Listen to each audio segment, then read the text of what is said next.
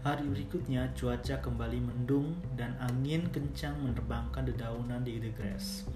Pagi ini Raffi kembali mendapatkan perlakuan yang tidak menyenangkan dari teman-teman di sekolah. Ia harus menghabiskan waktu istirahat di toilet karena baju seragamnya terkena tumpahan satu mangkok bakso masih panas yang entah disengaja atau tidak telah ditumpahkan ke tubuhnya. Ditambah lagi, mobilnya telah dipasang sebuah spanduk besar bertuliskan mobil homoseksual. Walaupun telah menerima perlakuan seperti itu, ia tetap berusaha untuk sabar. Ia tidak perlu marah karena ia tidak melakukan hal yang salah. Jika ia marah, maka ia sama aja dengan orang-orang yang menghinanya. Radit, Toya, dan Dian yang mau tidak mau menyaksikan kejadian itu bisa merasakan bahwa pasti Raffi sangat tersiksa. Kita harus ngomong sama Raffi kalau kita percaya sama dia. Dia butuh dukungan kita, kata Radit tidak tega. Gak begitu, Dit. Sikap kita kemarin udah keterlaluan banget sama dia. Sekarang saatnya kita berbuat sesuatu untuk dia. Toya memiliki pendapat yang lain. Iya, Dit. Kemarin kita udah keterlaluan. Dan ini saatnya untuk kita menunjukkan kalau kita benar-benar percaya sepenuhnya sama dia. Dian sependapat. Hah, tapi tadi kalian lihat kan, Raffi diperlakukan gak pantas. Sahut Radit kembali berpendapat. Iya, gue tahu. Tapi tinggal selangkah lagi, kita pasti bisa membersihkan nama baik Raffi dan orang-orang akan menyesal banget pernah melakukan semua itu. Kata Toya terus meyakinkan. Tidak lama setelah itu, seorang laki-laki jangkung datang menghampiri mereka bertiga. Radit ya? Katanya bertanya dengan suara yang berat. Iya, pasti lo yang namanya Alex ya? Jawab Radit lalu balik bertanya. Iya, gue Alex. Hai Toy, jawab Alex lalu menyapa Toya yang ternyata sudah saling kenal karena sama-sama berada di tim basket sekolah. Hai Lex, balas Toya ramah. Kata Siska, lu mau ngomong sama gua? Ada apaan? Tanya Alex tanpa basa-basi. Uh, gini, gua mau ngomongin tentang Pak Sandi, kata Radit pelan. Setelah mendengar nama Pak Sandi, wajahnya sedikit menegam masalah Raffi itu ya? Tanya Alex menebak dan tebakannya tepat.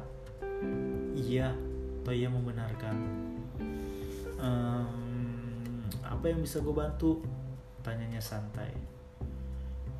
Uh, gini Lex, kita mau minta bantuan lo untuk menceritakan semua kejadian yang terjadi antara lo, antara lo dan Pak Sandi hari Senin besok pas upacara bendera.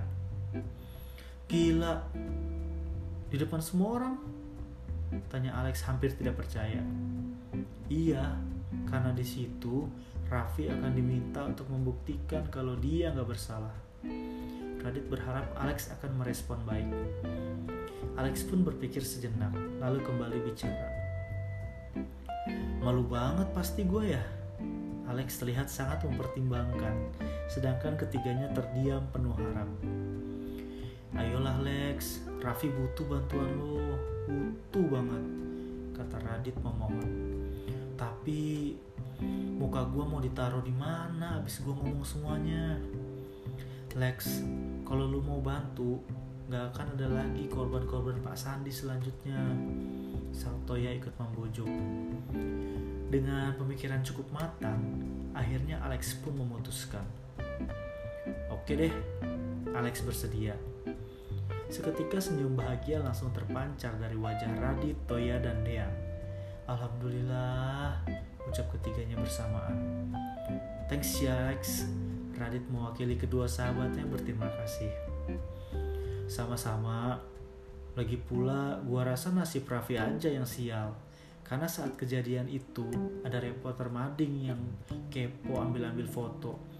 Kalau nggak ada, mungkin nggak akan seheboh ini. Dan gue mau bantu dia karena gue nggak bisa bayangin deh kalau gue yang ada di posisi dia saat ini. Alex mengutarakan pendapatnya. Makasih banyak ya Lex. Ucap Toya mengulang. Gue cabut dulu ya gue saranin kalian ajak ngomong tuh reporter mading itu. Dan kalian minta mereka menceritakan apa yang sebenarnya mereka lihat berdasarkan penglihatan mereka bukan berdasarkan foto yang mereka ambil. Karena kita semua tahu foto itu bisa nipu katanya lalu pergi. Makasih Lex. Setelah Alex berjalan pergi ketiganya kembali menyusun rencana. Oke Alex sudah siap bantu kita berarti tugas kita nanti siang adalah nyari dukungan dari para guru yang percaya sama Raffi Terus kita coba deh saran Alex tadi untuk ngomong sama reporter-reporter mading sialan itu. Toya memastikan kegiatan mereka bertiga siang ini. Setelah waktu istirahat, mereka pakai untuk rapat.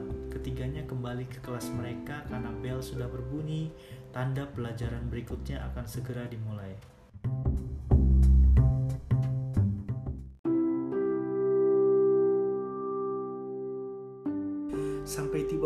Pulang sekolah, ketiganya langsung melancarkan rencana mereka, yaitu mencari dukungan dari guru-guru. Hal pertama yang mereka lakukan yaitu berbicara dengan guru yang baru saja selesai mengajar di kelas mereka. Guru itu bernama Asep, guru agama Islam yang beberapa waktu lalu sempat membahas tentang Raffi di kelas IPA 1. Kebetulan ia juga wali kelas Raffi. Assalamualaikum, maaf pak mengganggu sebentar, kata Radit menghalangi jalan Pak Asep. Waalaikumsalam warahmatullahi wabarakatuh. Iya, ada apa? Ucap Pak Asep ramah. Begini Pak, kami mau tanya, apa Bapak percaya kalau Raffi nggak bersalah dalam masalah foto itu? Tanya Radit penuh harap. Tentu, saya yakin 100% kalau Raffi tidak bersalah. Saya tahu betul siapa Raffi. Jawaban itu membuat Radit, Dean, dan Toya bisa tersenyum senang. Bapak bersedia kan untuk mendukung Raffi hari Senin nanti? Tanya Toya untuk memastikan. Insya Allah, ucap Pak Asep yakin. Terima kasih Pak, ucap ketiganya senang. Kemudian mereka bergegas mencari guru lain yang juga bersedia memberi memberi dukungan. Di depan ruang guru, mereka bertemu Bu Neni. Dengan semangat pejuang kemerdekaan, mereka bertanya pada guru itu, Selamat siang bu. Selamat siang dek Jawabnya aku Kamu mau tanya Kami mau tanya bu. Ibu percaya kan kalau Raffi gak bersalah dalam foto itu? Tanya Toya kembali berharap akan mendapatkan respon positif.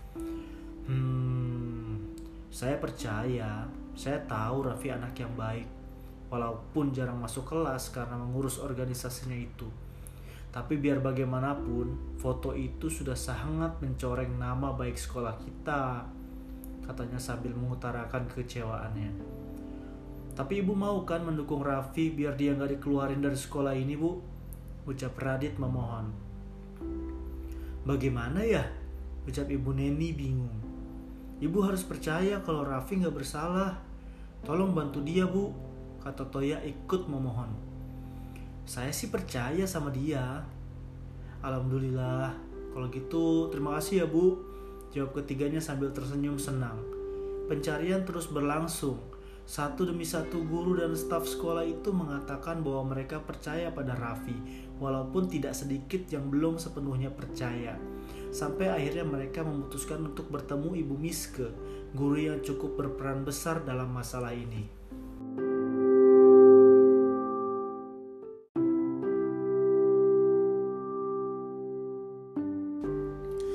Siang bu, kata Radit lalu melangkah memasuki ruangan ibu Miske diikuti oleh Dean dan Toya.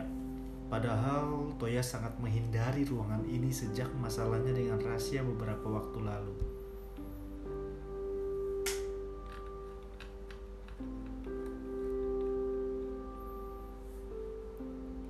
Ada perlu apa?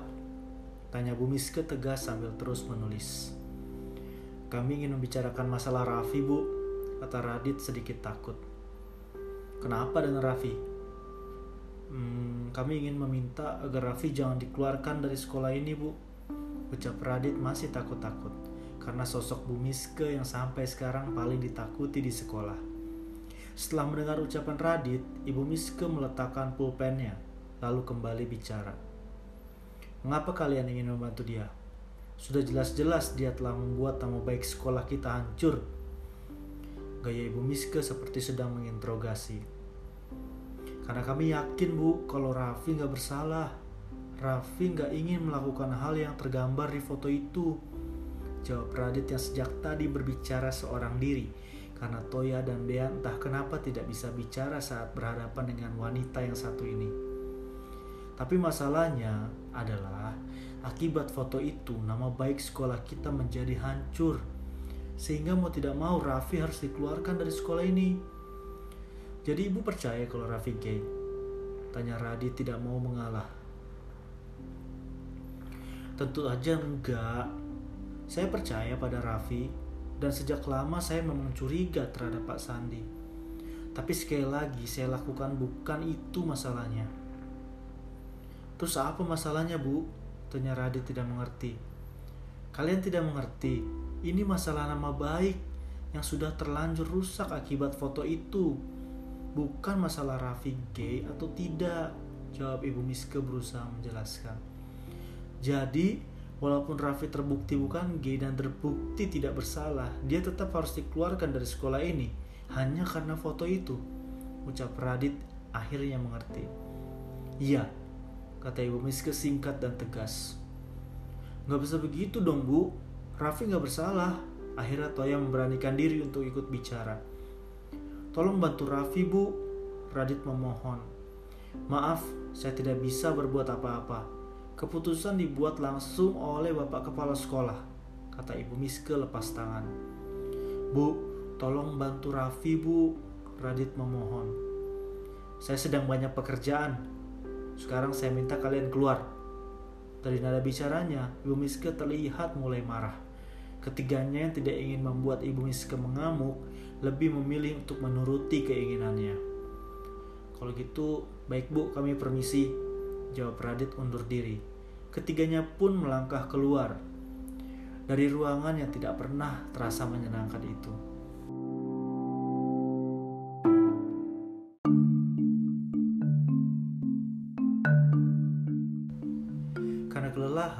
Mereka memilih untuk beristirahat di The Grass, sekaligus untuk memikirkan langkah selanjutnya di sana. Mereka berbaring di atas padang rumput yang luas. Pada titik ini, mereka baru menyadari kalau ternyata mengurus masalah ini sangat melelahkan. Sekarang gimana? Radit hampir kehabisan ide. Hmm, kita temui reporter mading itu Terus kita minta mereka cerita gimana kejadian sebenarnya. Jawab Toya mengingatkan rencana mereka. Jadi kita percuma aja dong melakukan semuanya. Toh pada akhirnya Raffi tetap akan di DO. Dan hampir putus asa. Gak begitu juga Den.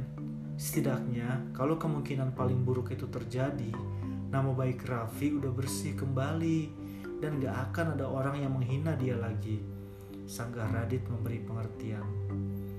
Kita berdoa aja supaya ada keajaiban dan Raffi nggak jadi di DO, ucap Toya penuh harap. Amin. Kita jalan sekarang yuk, ajak Radit lalu beranjak bangun. Ayo, ucap Toya bersemangat. Ia pun bangun begitu juga dengan Dea. Ketiganya berjalan menuju ke ruang mading untuk menemui orang yang memfoto kejadian antara Raffi dan Pak Sandi. Sesampainya di sana, mereka langsung bertemu dengan dua orang yang mereka cari. Permisi, kita mau ketemu orang yang foto kejadian antara Raffi dan Pak Sandi. Orangnya yang mana ya? Tanya Toya tanpa basa-basi. Kita berdua orangnya, jawab seorang reporter cowok bertubuh gendut sok penting. Ada apa? Tanya reporter cewek di sebelahnya, sepertinya sifat mereka tidak jauh berbeda. Kita mau tahu kejadian sebenarnya antara Raffi dan Pak Sandi. Kalian lihat secara langsung kan kejadiannya? Tanya Radit langsung ke pokok permasalahan. Iyalah, jawab keduanya angkuh. Tolong ceritakan ke kita, Radit meminta. Sorry, itu rahasia kita berdua. Hanya kita yang tahu kata reporter cewek sombong sambil tersenyum kepada partner kerjanya. Tapi gara-gara foto kalian, sahabat kita sekarang dalam masalah besar. Ucap Toya mulai naik darah. mengingat ia juga pernah menjadi korban saat foto-fotonya bersama rahasia terpampang di mading. Itu di luar tugas kita. Tugas kita cuma nyari berita bagus terus kita sampaikan ke semua murid. Reporter cewek benar-benar menyebalkan. Jadi kalian pikir itu berita bagus? Ucap Toya mulai terpancing emosi. Kedua reporter itu pun menjawab dengan anggukan sambil tersenyum puas. Eh, kalian denger ya, sahabat gua nggak salah apa-apa. Toya berteriak karena emosi. Tenang Toy, Radit mengingatkan. Kalian harus ngomong kejadian sebenarnya, teriak Toya yang terlihat semakin emosi. Kita nggak mungkin menjelaskan yang sebenarnya terjadi tentang kasus yang sangat luar biasa ini. Nama Mading jadi terangkat setelah ada masalah ini. Ucap reporter cowok tidak kalah menyebalkan. Sialan banget loh, kata Toya yang langsung menyerang reporter cowok itu saking kesalnya. Untuk Radit dan Dean langsung memisahkannya. Jangan pakai emosi, Toy, saut Radit menenangkan. Kita pergi aja, ujar Dean menyarankan. Ketiganya pun bergegas pergi. Setan lu berdua, ucap Toya sesaat sebelum melewati pintu. Sedangkan kedua reporter itu malah saling tersenyum puas.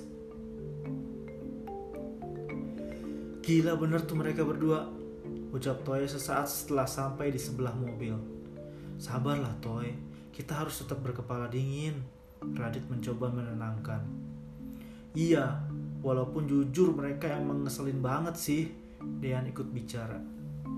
Kuncinya ada di mereka. Mereka tahu semuanya. Toya terlihat makin emosi.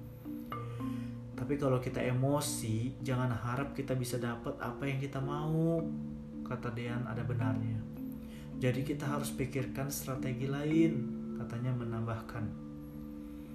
Lalu tiba-tiba terlintas dalam pikiran sebuah ide gila. Tadi kalian lihat kan, ada komputer di ruangan itu. Tanya Toya memastikan. Lihat, jawab keduanya ternyata memperhatikan juga keadaan ruang itu. Terus kenapa? Dean tidak mengerti. Pastinya di dalam komputer itu ada semua arsip foto kejadian Raffi dan Pak Sandi. Dan mungkin juga semua foto-foto gue dan Rasya. Kata Toya mengutarakan dugaannya. Terus, gue masih gak ngerti. Tugas Radit belum mengerti. Menurut gue, saat mereka foto Raffi dan Pak Sandi, pasti gak hanya satu kali kan? Pasti beberapa kali. Tapi mereka hanya mengambil satu foto yang menurut mereka paling pas yaitu foto di mana Pak Sandi persis lagi nyium Raffi, seperti yang ada di Mading. Kalau kita cari lagi foto-foto lainnya, gue yakin pasti kasus ini akan terbongkar. Raffi pun pernah bilang kalau dia udah mencoba menghindar, tapi Pak Sandi maksa dia. Ucap Toya panjang lebar, berharap kedua sahabatnya itu akan mengerti. Benar, Foto-foto lainnya pasti merekam kejadian di mana Raffi berusaha melepaskan diri dari Pak Sandi sampai akhirnya dia bisa kabur. Ucap Radit langsung bersemangat setelah mengerti maksud perkataan sahabatnya itu. Tapi masalahnya, gimana cara kita untuk bisa ambil foto-foto itu dari komputer ruang mading? Tanya Dean yang sejenak mematahkan ide Toya. Ketiganya pun berpikir keras. Hmm, Gimana kalau kita bujuk mereka lagi? Radit memberi saran yang jelas-jelas langsung ditolak oleh Toya. Dit, gue tahu hati lu sebaik malaikat, tapi enggak, gue nggak mau. Tadi aja gue udah emosi banget. Mereka itu manusia yang nggak punya hati. Toya kembali emosi. Ya terus gimana? Tanya Radit kehabisan akal. Nah, Toya menemukan ide lagi. Gimana kalau malam ini kita masuk ruang mading secara diam-diam? Terus kita ambil foto-fotonya. Sautoya memberi ide yang cukup berbahaya.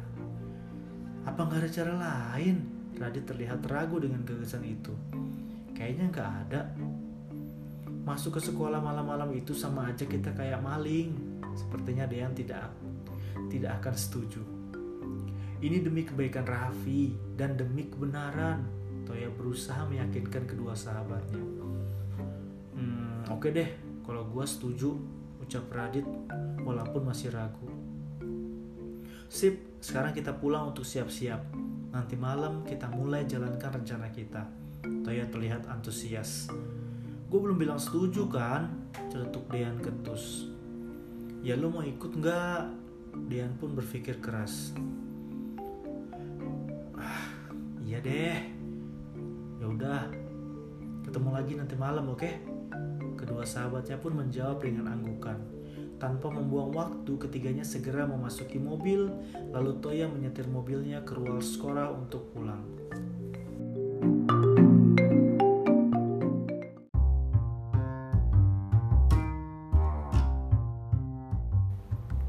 Malam hari di sekolah memberikan nuansa yang berbeda. Sepi karena tinggal penjaga yang berada di sana. Sedangkan dari rimbunnya rerumputan di The Grass, hanya terdengar lantunan suara jangkrik yang tanpa lelah mendendangkan nyanyian malam yang merdu. Radit, Toya, dan Dean yang sudah kembali berkumpul langsung menjalankan rencana mereka. Pertama-tama, mereka harus melewati seorang petugas keamanan yang terlihat sedang serius menonton sinetron di dalam pos jaganya. Gimana cara lewatin satpam itu? Tanya Toya bingung. Gimana ya? Radit yang juga tidak tahu harus bagaimana.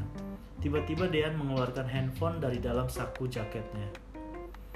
Lu mau telepon siapa, Den? Tanya Radit tidak mengerti.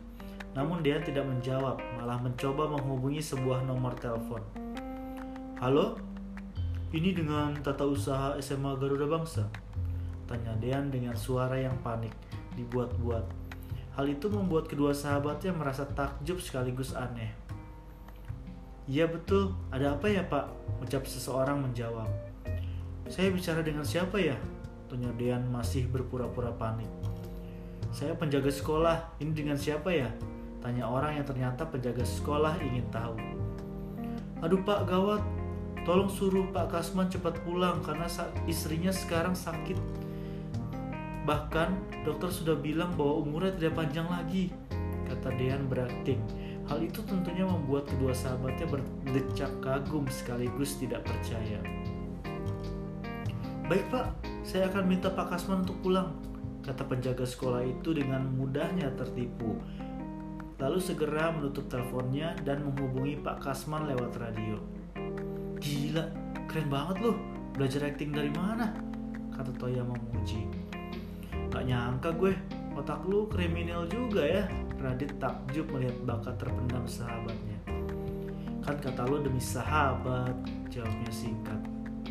Kemudian di pos satpam, Pak Kasman yang telah diberitahu lewat radio bergegas meninggalkan posnya dengan terburu-buru Sepertinya efek menonton sinetron juga cukup berpengaruh karena sekarang ia seperti sang pemeran utama dalam sebuah sinetron yang berusaha untuk menyelamatkan sang pemeran utama wanita dari kejahatan. Radit, Toya, dan Dean pun menggunakan kesempatan itu untuk segera menerobos masuk ke dalam sekolah. Ayo, kata Toya bersemangat. Kemudian mereka bergegas mengendap-endap menaiki tangga menuju ke ruang mading. Suasana sekolah benar-benar sangat gelap. Mereka bertiga hanya mengandalkan senter yang sengaja mereka bawa. Setelah berjalan mengendap-endap, akhirnya mereka sampai di depan pintu ruang mandi. Bukanya gimana nih pintu? Tanya Radit tidak mengerti. Lalu Toya mengeluarkan sebuah pisau lipat dari sakunya dan mulai beraksi membuka pintu yang terkunci. Setelah menunggu beberapa saat, akhirnya terdengar bunyi klik pertanda bahwa Toya telah berhasil membuka kuncinya. Keren. Belajar dari mana lu, Toy? Radit kembali terlihat kagum melihat bakat terpendam yang kini ditunjukkan Toya. Belajar dari om gue, jawab Toya sok. Om lu yang mana? Tanya Dean ingin tahu. James Bond lah. Jawab Toya lalu tertawa, sedangkan kedua sahabatnya saling pandang aneh. Toya pun membuka pintu dan memasukinya diikuti oleh Radit dan Dean. Setelah berada di depan komputer, Dean langsung menekan tombol turn on pada komputer dan betapa kecewanya mereka saat menyadari bahwa mereka tidak memiliki password. Ah, gue lupa. Kita kan gak punya password, ucap Toya geram. Aduh, kenapa gak kepikiran sampai situ ya? Ucap Radit sangat menyesal kalian gak kepikiran sini biar gue yang ngurus Dian mulai menunjukkan keahliannya dalam bidang komputer. Mau apa? Tanya Toya tidak mengerti. Udah lu duduk manis aja sana, ucap Dean santai. Sementara jari jemarinya mulai beraksi dengan cepat. Baik Radit maupun Toya tidak mengerti apa yang ia lakukan. Sampai beberapa saat selanjutnya, Dean mengklik tombol OK dan password yang mengunci komputer pun berhasil terbuka. Wow, keren, saut Toya sambil mengacak-acak rambut Dean. Bagus, sekarang kita cari filenya, kata Radit antusias dan langsung meminta Toya fokus pada tujuan mereka. Mereka bertiga bergegas membuka-buka setiap folder dari komputer itu, sampai mereka menemukan folder bertuliskan skandal sekolah. Sehingga mereka harus memperhatikannya satu persatu. Banyak sekali kejadian-kejadian yang terekam dalam folder itu, sehingga untuk sesaat mereka sekaligus mengenang.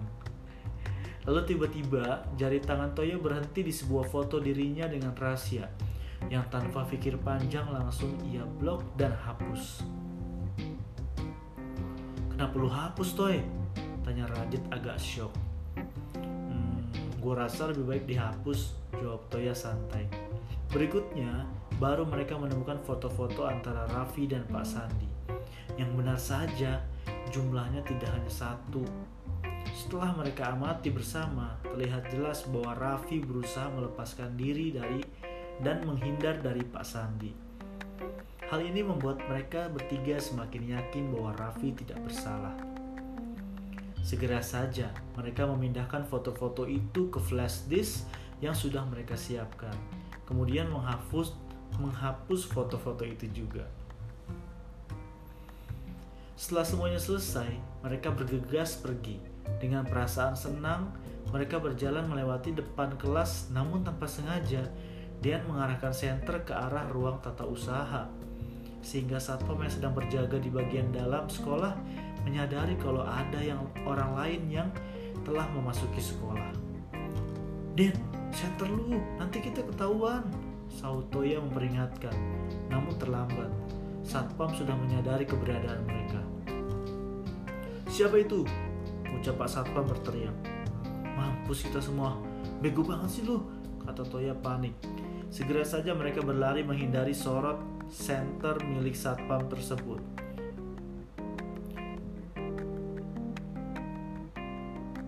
Berlari mengendap-endap, namun celakanya lagi Satpam itu malah merehat mereka.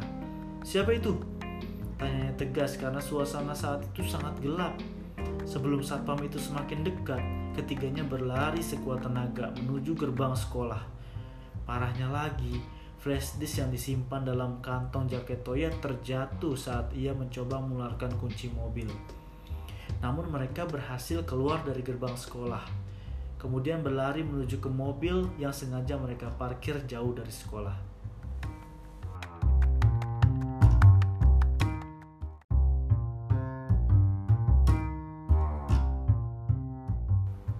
Di dalam mobil, Toya yang mengecek keadaan dalam kantong jaketnya langsung panik saat tahu bahwa flash disk yang berisi foto-foto Raffi dan Pak Sandi tidak ada dalam kantongnya.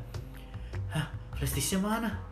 Tanya Toya bingung sambil mencari-cari di jok mobil barangkali terjatuh. Tadi lu simpen di mana? Ucap Radit ikut panik. Di kantong jaket gue.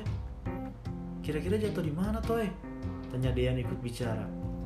Kayaknya pas tadi gue ngeluarin kunci mobil deh soalnya gue simpan di kantong yang sama jawab Toya sangat menyesal jatuhnya di luar gerbang kan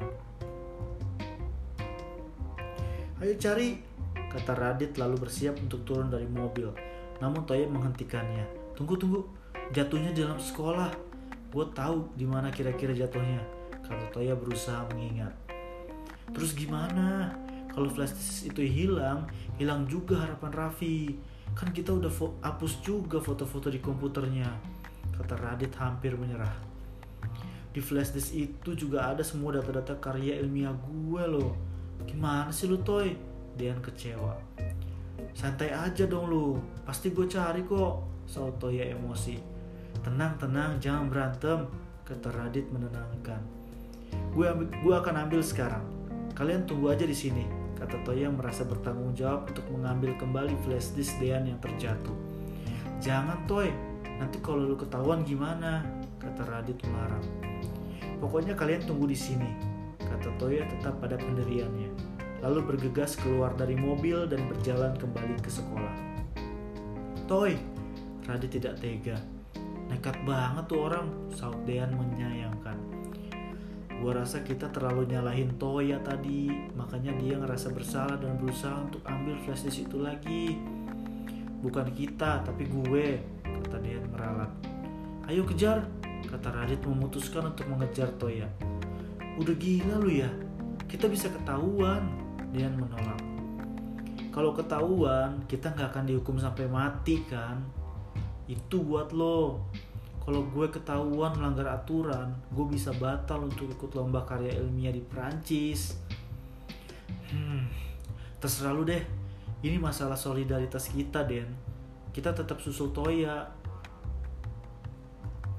Kalau lu nggak mau, gue tetap kejar Toya. Lu tinggal aja di sini. Kata Radit lalu bergegas keluar dari mobil dan bergegas mengejar Toya. Ah, teriak Dean berubah pikiran Lalu dengan berat hati ia bergegas keluar dari mobil dan ikut mengejar kedua sahabatnya. Sementara itu Radit memanggil Toya yang sedang berjalan kembali ke sekolah. Toy, Toya, Toya pun berbalik. Lah, lu ngapain? Cepet balik ke mobil sana. Toya meminta. Lalu dari kejauhan mulai terlihat Dean yang ikut menyusul. Kita masuk lagi sama-sama. Jangan, nanti kalau kita semua ketahuan bisa gawat. Kita datang malam ini sama-sama, jadi pulang juga harus sama-sama. Dean yang telah berada di sebelah Radit langsung ikut bicara. Bener tuh, kita tanggung deh resiko apa pun sama-sama. Toya pun tersenyum senang lalu kembali bicara. Ya udah, ayo. Ketiganya pun berjalan kembali ke sekolah dan sampai di depan pintu gerbang, satpam yang menjaga pos masih belum kembali. Sedangkan satpam yang tadi sempat menangkap mereka juga tidak terlihat sehingga dengan mudah mereka bisa masuk ke dalam. Saat berada di dalam, ketiganya berusaha keras untuk menemukan kembali flash disk tersebut. Pencarian cukup sulit karena keadaan gelap dan mereka hanya menggunakan senter. Di mana ya? Kok nggak ada? Kata Toya sambil terus mencari. Lu yakin flash disknya jatuh di sini? Tanya Radit memastikan. Yakin, tadi gue buru-buru ambil kunci mobil di sini. Kalian mencari ini, saat seseorang yang tidak mereka kenal suaranya. Saat ketiganya berbalik, betapa terkejutnya mereka saat dua orang satpam berwajah sangar sedang berdiri di belakang mereka dengan flash disk di tangan salah satu dari mereka. Malam Pak Satpam, Tegur Radit berusaha tenang. Dengan puas Satpam itu memarahi mereka. Sedang apa kalian malam-malam ada di sekolah? Tanyanya murka. Ehm, itu ketiganya tampak bingung luar biasa. Mereka hanya bisa saling pandang, berharap salah satu dari mereka memiliki ide brilian yang dapat melepaskan mereka dari posisi yang tidak menyenangkan ini. Jawab, bentak satpam bernama Mardi terus mendesak, membuat ketiganya mulai tertekan. Kami itu loh pak. Uh, gumam Radit ragu-ragu. Di saat ketakutan menjalari tubuh ketiganya tiba-tiba ada seseorang yang datang menghampiri mereka karena penasaran Toya pun sesaat mengarahkan senternya ke wajah orang itu ketiganya terkejut melihat Pak Asep sedang berdiri tepat di hadapan mereka Toya, Radit, Dean Kenapa belum pulang? Tugas yang tadi kita kerjakan sudah selesai kan? Tanya Pak Asep membuat ketiganya bingung luar biasa. Tugas?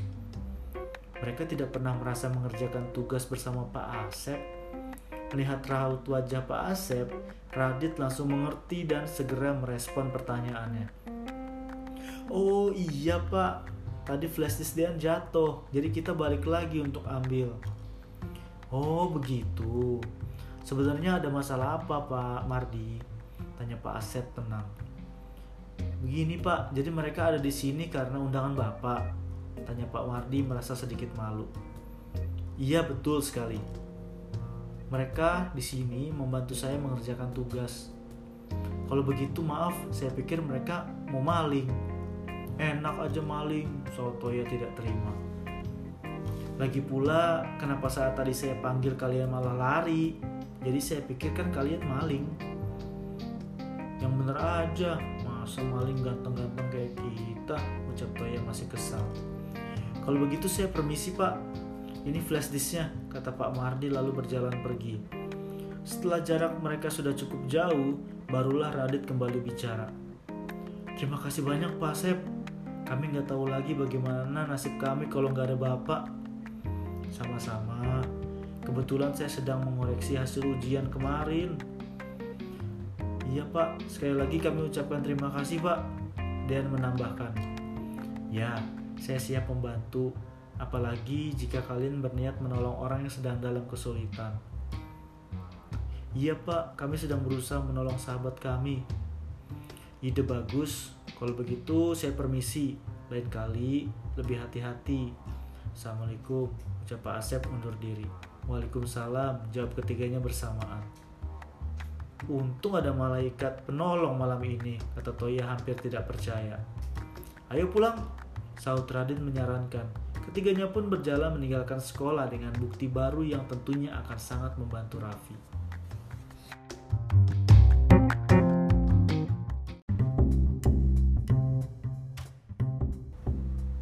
hari Minggu pagi, Radit, Toya, dan Dean berkumpul di sebuah kafe yang biasa didatangi oleh mereka di waktu-waktu luang. Siang itu mereka bertemu untuk membahas tentang Raffi dan untuk menyusun rencana agar besok bisa berjalan dengan lancar. Sebelumnya, Toya telah mencetak semua foto yang telah berhasil mereka curi semalam. Gimana hasil cetakan fotonya, Toy? Tanya Radit penasaran. Bagus, jawab Toya sambil melihat satu demi satu fotonya lalu memberikan kepada Radit. Semoga aja dengan bukti ini Raffi bisa terbebas dari masalah ya, kata Radit sambil melihat-lihat fotonya. Amin. Jadi sampai saat ini kita udah coba untuk temui Gary, tapi dia nggak mau untuk bantu. Kita berhasil mendapatkan bukti foto dan surat dari kamar Pak Sandi. Kita udah dapat banyak dukungan dari para guru, kita udah temui Pak Sandi dan dia janji akan membantu Raffi. Alex janji mau menceritakan pengalamannya. Kemudian kita punya bukti foto-foto detail dan tentang semua kejadian antara Raffi dan Pak Sandi. Hmm, kira-kira semua ini cukup gak ya? Toya mengulang kembali semua hal yang telah mereka lakukan, kemudian mengumpulkan bukti yang sudah mereka dapatkan di atas meja. Gua harap cukup sih, Radit benar-benar berharap perjuangannya mereka ber, beberapa hari ini akan membuahkan hasil yang baik. Tapi masalahnya sekarang, gimana cara kita bikin Raffi nggak dikeluarkan dari sekolah? Karena Bu Miske bilang, walaupun Raffi terbukti nggak bersalah, dia akan tetap dikeluarin, kata Toya sambil kembali mencari cara. Gimana ya? Radit berpikir sejenak. Sulit karena surat keputusan udah turun dari kepala sekolah. Sautian ikut bicara sambil tetap konsentrasi dengan laptopnya. Iya gue tahu, tapi pasti ada cara untuk merubahnya, kata Toya yakin. Atau kita temui kepala sekolah, ujar Radit memberi saran. Enggak, enggak mungkin. Terakhir gue denger dia lagi di Medan ada pelatihan, ucap Toya tidak setuju. Ya udah, lebih baik kita konsentrasi untuk ngebuktiin kalau Raffi nggak bersalah dulu. Jangan karena kita pikirin masalah lain. Masalah pembuktian ini jadi nggak berjalan lancar. Saud berpendapat. Radit dan Toya pun setuju setelah itu mereka bertiga menghabiskan waktu untuk membahas kembali tentang kemungkinan-kemungkinan yang akan terjadi di hari pembuktian besok.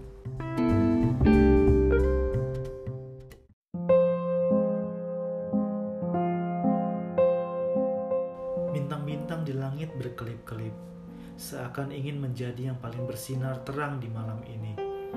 Sementara bulan menyaksikan dengan cahayanya yang menenangkan hati. Dari sebuah rumah mewah yang terasa sangat sunyi malam itu, seorang anak laki-laki sedang bersila di atas sebuah sajadah. Wajahnya tertunduk lesu, tubuhnya gemetaran, dan air mata mengalir deras di pipinya. Ya Allah, Mengapa semua ini harus terjadi padaku? Betapa besarkah dosaku padamu, sehingga harus menanggung masalah sebesar ini? Belum cukup ikhlas hatiku menerima penyakit mematikan ini bersarang di tubuhku. Tapi sekarang datang fitnah yang sangat kejam tertuju padaku. Tidak ada orang yang percaya padaku. Bahkan sahabat-sahabat yang aku pikir adalah satu-satunya keluarga terbaik di dunia ini pun menjauhiku. Ya Allah, ampuni dosa-dosaku Berikanlah jalan terbaik untukku. Bukalah hati semua orang yang telah memfitnahku. Aku pasrahkan hidup dan matiku padamu ya Allah. Maha pemilik segala alam semesta. Amin amin ya robbal alamin. Doa Raffi di dalam sholat tahajud malam itu.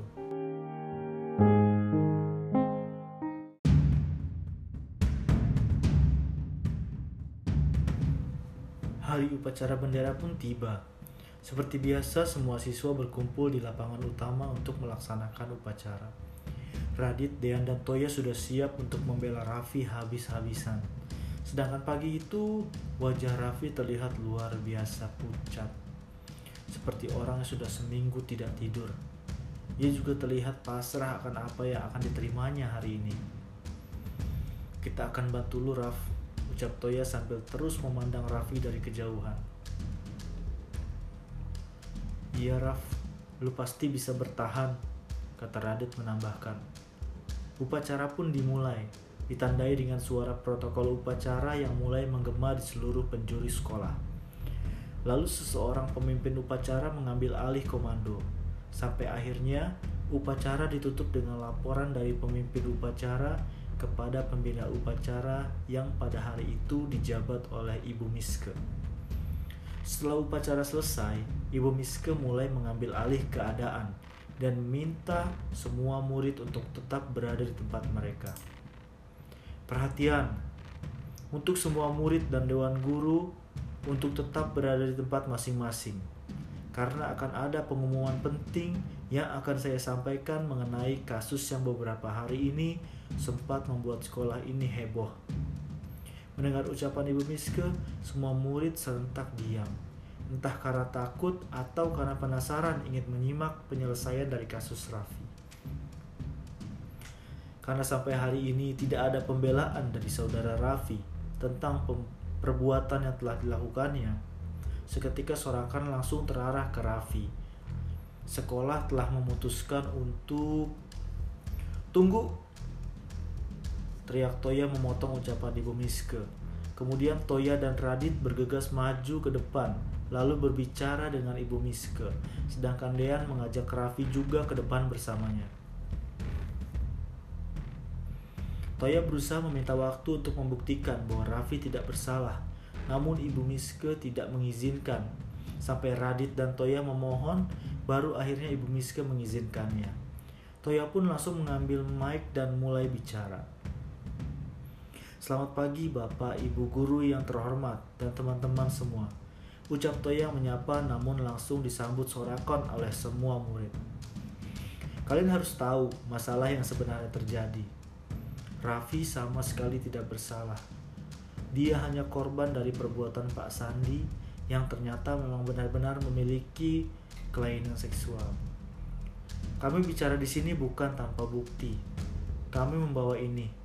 Lalu Toya menunjukkan sebuah amplop dan foto Raffi. Yang sangat bingung dan terkejut melihat pembelaan dari sahabat-sahabatnya. Mungkin ini adalah jawaban dari doa-doanya selama ini.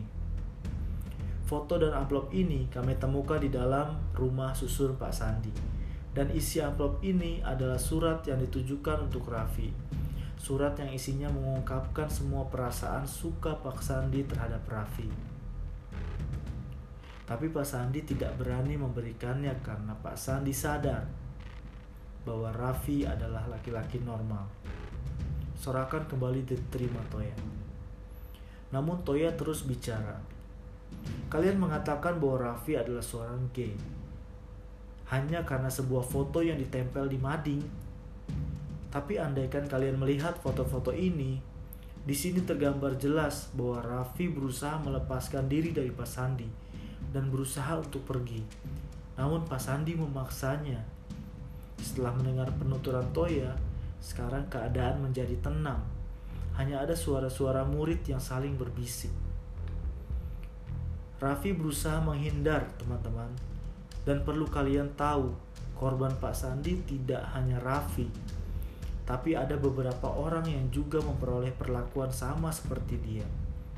Mendengar hal itu, murid-murid banyak yang tidak percaya. Dan kami berhasil menemukannya. Salah seorang dari mereka yang akan menjelaskan kepada kalian semua bahwa Raffi bukanlah orang yang pantas disalahkan atas masalah ini. Saat Toya sedang berbicara, Alex maju menghampirinya. Sontak murid-murid tercengang melihat Alex maju ke depan. Selamat pagi Bapak, Ibu Guru, dan teman-teman. Um, perlu keberanian besar bagi saya untuk berdiri di sini. Hari ini saya hanya ingin menegaskan bahwa Raffi benar tidak bersalah. Dia hanya sedang tidak beruntung karena saat Pak Sandi melakukan itu padanya, ada tim reporter mading yang memfoto semua kejadian itu. Mau tidak mau, suka maupun tidak suka, saya harus mengungkapkan semua ini. Benar yang dikatakan Toya, bahwa saya juga adalah salah seorang murid yang mendapatkan perlakuan tidak wajar dari Pak Sandi. Mendengar ucapannya, murid-murid terlihat sangat terkejut dan tidak percaya mereka semua ada yang menggelengkan kepala dan saling berbisik satu sama lain. Alex terus menjelaskan. Tapi saya memilih berdiri di sini untuk membuka mata kalian semua bahwa kalian sudah salah menuduh orang. Raffi bukan gay seperti yang kalian tuduhkan. Itu benar, teriak seorang dari kejauhan yang ternyata adalah Gary. Semua mata langsung menoleh ke arahnya Sedangkan Toya, Dean, dan Radit sangat terkejut sekaligus senang melihatnya datang. Ternyata ia berubah pikiran. Ia pun berjalan menghampiri Toya dan Alex lalu ikut bicara. Nama saya Gary. Mungkin beberapa dari kalian masih ingat dengan saya. Karena saya adalah mantan siswa di sekolah ini. Dulu saya pindah sekolah tanpa menjelaskan alasan yang jelas tapi hari ini saya akan menjelaskan kenapa saya memutuskan untuk pindah. Saya pindah dari sekolah ini karena saya juga mendapatkan perlakuan yang sama seperti Raffi. Setelah hal itu terjadi, saya jatuh sakit karena mendapatkan surat ini. Surat yang isinya mengungkapkan isi hati Pak Sandi. Awalnya saat saya diminta tolong oleh Toya, Radit, dan Dean, saya tidak bersedia tapi saya pikir bagaimana jika saya yang berada di posisi Raffi saat ini? Dan coba bayangkan jika kalian yang berada di posisi Raffi saat ini difitnah untuk sesuatu yang tidak pernah ingin dia lakukan. Setelah mendengar ucapan Gary, semua murid sekarang diam tidak berbicara. Lalu Toya mulai bicara lagi. Teman-teman, Kalian harus percaya bahwa Raffi bukan seperti yang kalian pikirkan. Dia sama sekali nggak bersalah. Iya, yang salah adalah saya. Teriak seseorang lagi di kejauhan, yang ternyata adalah Pak Sandi. Seketika teriakan dan sorakan menyambut kedatangan Pak Sandi. Ekspresi wajah Raffi sangat marah saat melihat Pak Sandi datang. Saya mengakui semua kesalahan saya saya memang menyimpang, tetapi Raffi tidak bersalah dalam masalah ini. Dia hanyalah korban. Sorakan murid-murid kembali bergemuruh. Maafkan saya, Raf, ucap Pak Sandi ke arah Raffi. Saat Pak Sandi sedang bicara, dua reporter mading yang super menyebalkan itu juga ikut maju ke depan. Dan ternyata mereka memutuskan untuk menceritakan semua yang mereka lihat saat kejadian. Raffi memang benar tidak bersalah. Kami berani bersumpah karena kami berdua yang menyaksikan langsung kejadiannya dengan mata kepala kami sendiri. Bukan seperti yang kalian lihat lewat foto. Ucap reporter cowok mengakui apa yang mereka lihat. Maafkan kami juga yang tidak menunjukkan semua foto yang berhasil kami ambil. Karena kami hanya ingin mencari sensasi awalnya. Ucap reporter cewek malu. Serentak semua siswa menyoraki mereka. Sudah jelas kan teman-teman bahwa Raffi tidak bersalah. Jadi mulai saat ini, hentikan semua fitnah yang kalian tujukan pada Raffi. Ucap Toya kembali berbicara sedangkan semua murid terdiam karena mereka merasa menyesal. Di saat suasana mulai tenang, Ibu Miske kembali mengambil alih.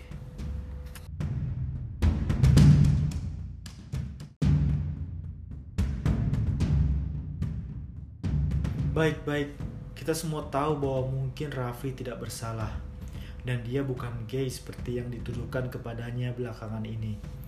Tetapi keputusan yang sudah dibuat tidak bisa diubah Akibat kejadian ini, nama baik SMA Garuda Bangsa tercemar. Oleh karena itu, hari ini secara resmi, saudara Muhammad Rafi Putra dikeluarkan dari sekolah ini. Ucap Ibu Miske tidak berubah. Seketika semua murid menyoraki Ibu Miske dan menolak keputusannya. Bu, tolong jangan keluarkan Raffi, Saud Toya membela. Lalu dari barisan murid mulai terdengar koor membela Raffi. Jangan keluarkan Raffi, teriak semua murid kompak berulang-ulang. Ibu Miske langsung terkejut saat mendengar teriakan-teriakan itu, namun memilih untuk meninggalkan mimbar. Sayangnya, barisan guru-guru menghadapi menghadangnya. Ada apa ini? Tanya Ibu Miske bingung melihat sikap para guru. Jangan keluarkan Raffi, atau kami semua akan keluar dari sekolah ini hari ini juga kata ibu Neni mengancam, mewakili semua guru yang ada. Apa-apaan ini? Kata ibu Miske panik. Sedangkan suara-suara membela Raffi semakin keras terdengar. Jangan keluarkan Raffi, Bu Miske, ucap Pak Asep mendukung. Ini surat keputusan dari kepala sekolah. Saya tidak bisa berbuat apa-apa, teriaknya frustasi. Ibu Miske, Anda masih punya hati kan? Tanya seorang guru laki-laki berkumis tebal memojokkan. Tidak tahan mendengar semua itu, Ibu Miske berjalan kembali ke atas mimbar. Diam! Teriak Ibu Miske sangat keras sampai semuanya menutup telinga saking kerasnya. Ini semua keputusan dari kepala sekolah. Saya hanya menjalankannya saja. Ibu Miske berusaha tegar, walau hatinya pasti tertekan. Dari kejauhan terlihat sosok pria tua namun berwibawa yang dikenal sebagai kepala sekolah datang dengan tenang lalu berjalan menaiki mimbar.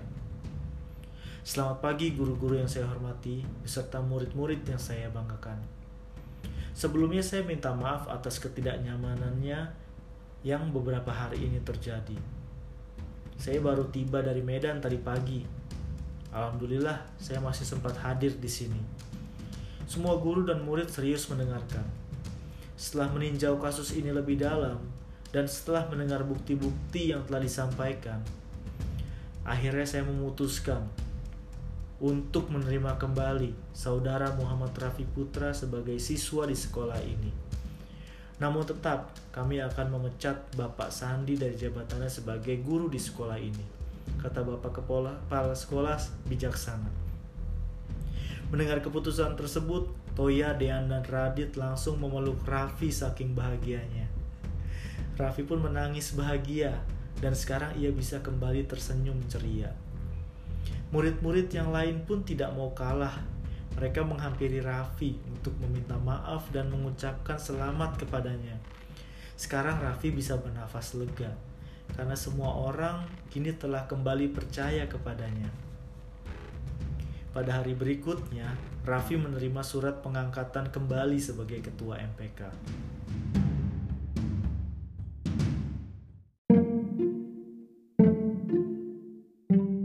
Terima kasih karena kalian udah rela melakukan ini semua. Gue pikir kalian semua udah gak percaya lagi sama gue, kata Raffi saat mereka sedang mengobrol di The Grass beberapa hari selanjutnya. Yang enggak lah, kita harus membantu lu karena lu sahabat kita ucap Radit senang lagi pula lu emang gak salah jadi wajib kita bantu Ujar Dean yang sebenarnya jarang berbicara seperti itu. Tapi semua itu gak gratis. Lu harus bayar mahal tau gak? Toya mengancam. Maksud lo? Tanya Raffi tidak mengerti. Lu harus traktir kita semua makan sepuasnya. Hahaha. Mereka berempat pun kini bisa kembali tertawa bahagia. Gampang, jawab Raffi menyetujui. Awas aja kalau lu sampai neraktir kita semua di kafe lelaki. Apaan tuh kafe lelaki? Sontak Radit, Dean, dan Toya pun tertawa geli. Sementara Raffi terlihat kebingungan.